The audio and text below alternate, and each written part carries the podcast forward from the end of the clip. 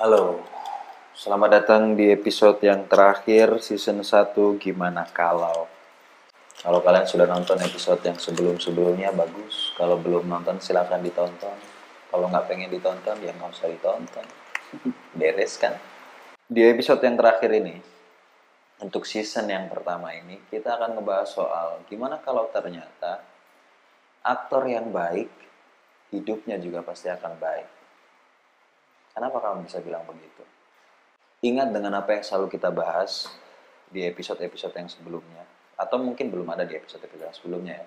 Tapi di artikel-artikel yang ditulis oleh aku aktor bahwa aktor itu mau tidak mau harus mampu membangun empati pada setiap orang yang mereka temui.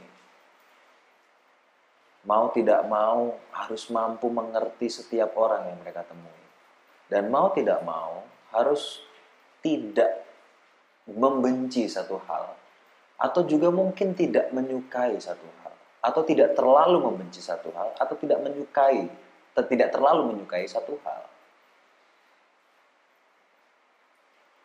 Bayangkan jika aktor yang baik adalah aktor yang macam itu. Aktor yang mengerti orang lain, aktor yang memahami orang lain, aktor yang memahami dirinya sendiri. Maka ketika dia bisa menjadi aktor yang baik dengan segala prinsip yang barusan kamu bilang, mungkin kehidupannya juga akan baik. Kenapa? Karena dia akhirnya bisa mengerti orang lain. Dia bisa membangun empati atas siapa pun yang dia temui. Dia bisa menempatkan dirinya dengan tepat. Dia bisa mengambil keputusan yang bijak pada setiap persoalan yang dia alami dia bisa mengendalikan dirinya dengan baik pada setiap keputusan yang sedang dia ambil atau pada setiap kondisi yang sedang dia alami.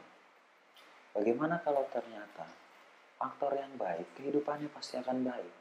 Kalau kehidupannya belum baik,